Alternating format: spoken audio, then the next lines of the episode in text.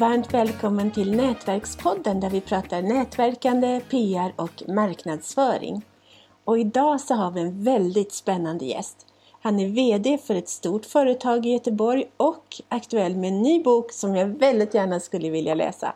Varmt välkommen Pelle Johansson! Ja, tack så mycket, tack så mycket!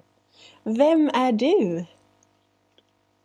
Eh, jag är en eh, helt vanlig kille brukar jag väl tänka. Eh, och känner att det ska bli kul att prata med dig. Vad roligt! Ja. ja. Nej, men jag är en 52-årig kille som bor i Göteborg med familj. Vi bor utanför Göteborg faktiskt, nere i Halland. Och har tre verksamheter inne i Göteborg. Åh oh, herregud! Och en mm. av dem är det många som känner till, Hagabadet. Ja, där har vi ju eh, tre gym och badhus och spa kan man säga. Så eh, ja, det har funnits ganska länge, funnits sedan 1876. Nej men gud! Och eh, jag har inte varit med hela tiden då men de... är du inte så gammal? Nej, man kan tro det när man använder alla skönhetsprodukterna vi har. Men vi... Eh, ja, men det första huset byggdes för att utrota koleran i Göteborg och eh, nu har vi en ny pandemi så att vi jobbar väl vidare med det, att stärka immunförsvar och sådär. Vad, vad heter din bok? Boken heter eh, Från Biskopsgården till Stureplan. Mm. Vad handlar den om? Jag är uppvuxen i Biskopsgården och växte upp där på 70-talet. Och eh, hade en alkoholiserad pappa. Eh, hade väl inte så speciellt eh, kul under de åren. Och eh, tyckte skolan var tråkig. Eh, hade, var väl lite överaktiv. Eh, idag finns det säkert någon diagnos på det. Mm. Men då fanns det ju inte det utan då fick man ju springa ett extra varv runt skolan om man var överaktiv. Till slut hamnade jag på ett eh, ställe i Stockholm.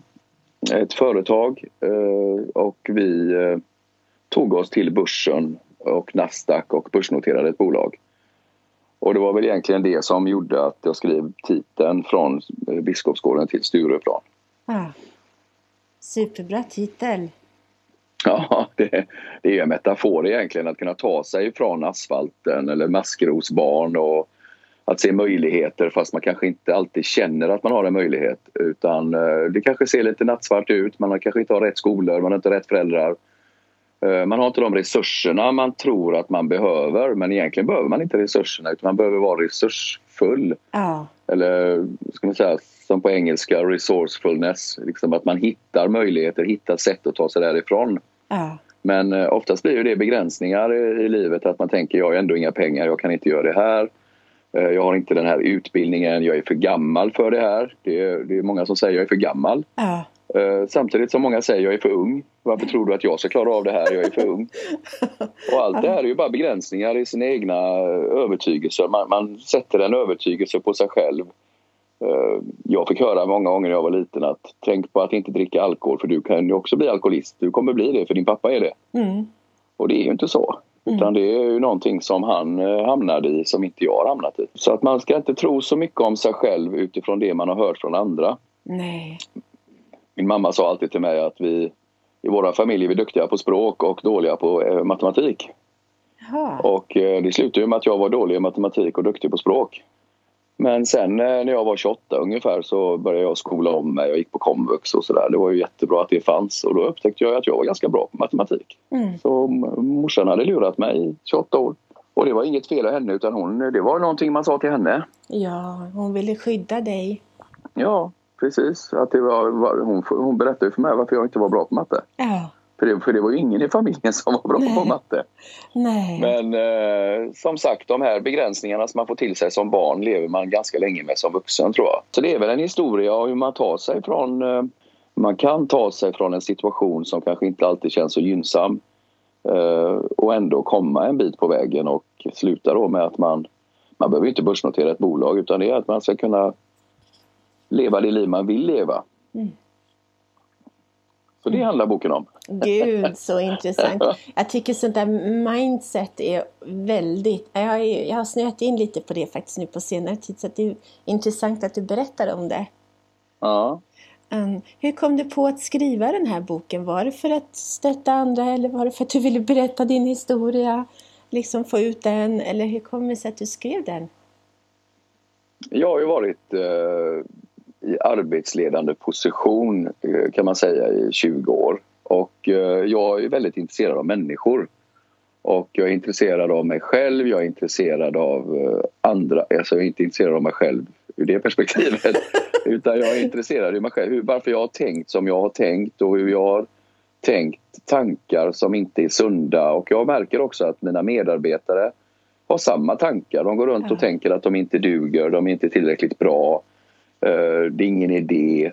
Och det har gjort mig nyfiken på det här med, som du säger, med mindset. Och jag, genom åren har jag ju nu gått en del skolor och eh, jag har varit på Handelshögskolan i Stockholm på deras ledarskapsutbildning som eh, där vi satt 37 stycken ja, höga chefer i Sverige helt enkelt. Och då, frågar, då börjar man alltid de utbildningarna med psykolog, psykologer och eh, som, ja, det tar en hel vecka får man jobba med psykologer. Åh oh, herregud! Och, eh, ja, men det är ju väldigt viktigt att lära känna sig själv och var kommer mm. man själv ifrån och sådär. Då, då, då var jag nummer ett att de frågade liksom, hur känns det för dig Pelle? Och då svarade jag, jag undrar ju när man ska komma på vilken bluff man är liksom, alltså att man inte kan allt och sådär. Och då frågar jag ju psykologen, är det någon mer här inne som känner som Pelle? Och det åkte ju upp 37 händer. Ja. Och då är det högsta cheferna i Sverige på de största bolagen i Sverige. Mm. Så det här gjorde mig jättenyfiken på det här med hur man tänker och vad är det som begränsar en i ens potential. Och det här har jag jobbat med mina medarbetare och eh, flera av dem eh, får ju lite aha-upplevelser när man får dem att se en annan potential än de själva tror. Mm. Och då har så alldeles för många har sagt till mig, du borde skriva en bok. Du borde skriva en bok. då kände väl jag att då gör jag väl det då. Jag skriver en bok. Ja. Ja, men jag vill också känna, jag känner, många är hopp, de känner hopplöshet. Eh, de, de tänker att de här resurserna de inte har är det som påverkar resten av deras liv. Istället för att se på resurserna de faktiskt har eller, ja. eller kan få. Ja. Så boken är väl en inspiration och eh, ett sätt att tänka, att leda sig själv men också att leda andra. Ja. Därför skrev jag boken. Ja, men väldigt bra skäl. Jag den här podden handlar ju om marknadsföring bland annat. Så då är frågan, hur gör du PR och hur marknadsför du boken? Det gör vi på massa olika sätt skulle jag vilja säga. Och, eh, dels så bygger jag en egen webbsida. Eh, jag bygger olika säljfunnlar via olika nätverk.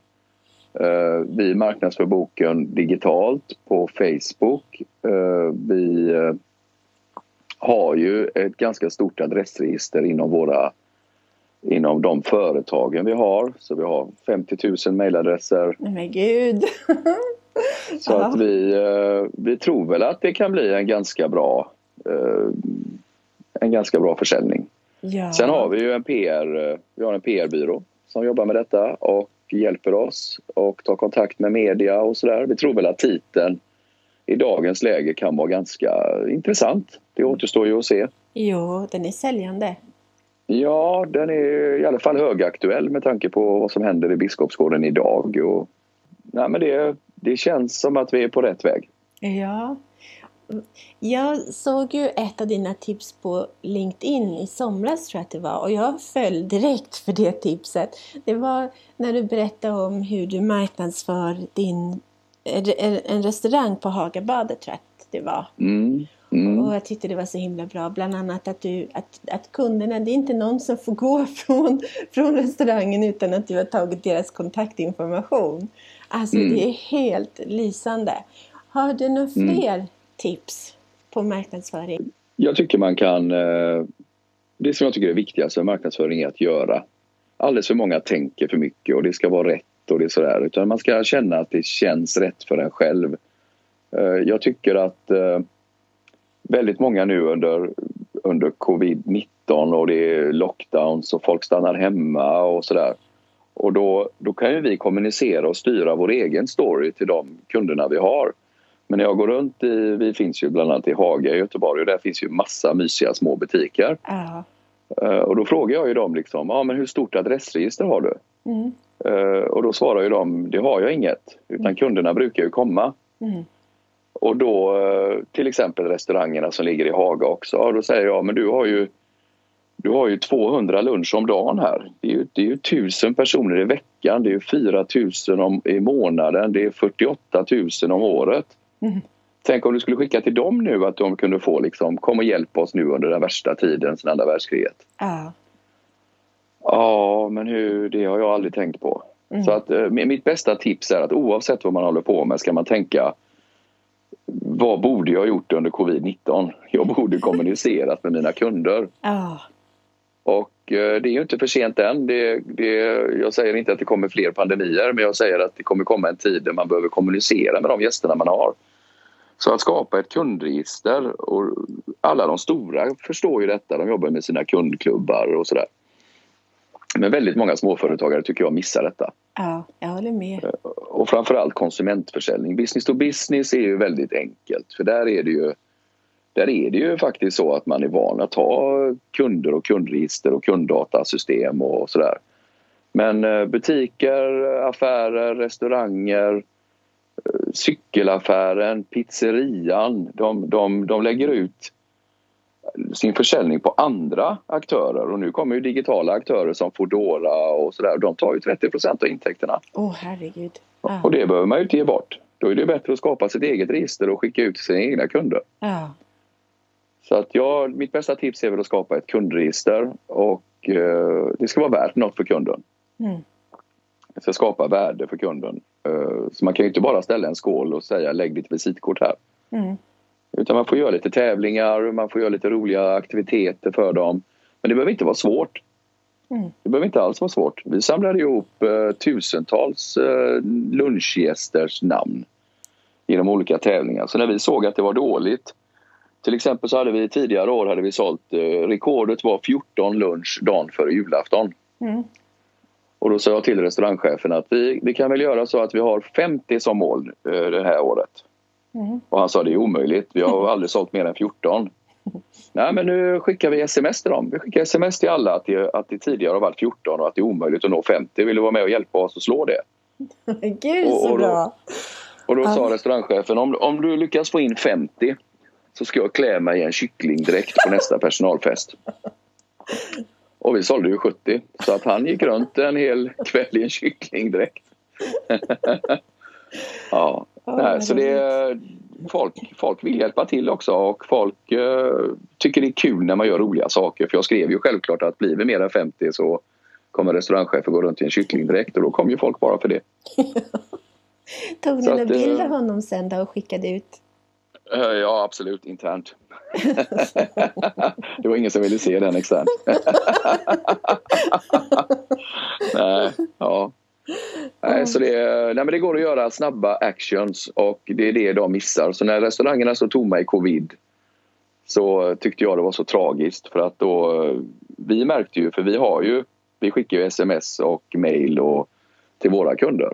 Mm. Eh, Dels får man ju en, en väldigt, man styr sin egen story, man kan berätta vad vi gör för att, eh, för att hindra smittspridning och så vidare. Och, men annars så, så vi har inte lidit så mycket av den här pandemin som man skulle kunna tro att man skulle göra. Gud så bra. Bra Ja. jobbat. Ja, det känns bra. Tack. Ja, tack så mycket för att du Ja. fick prata. Ja, tack själv.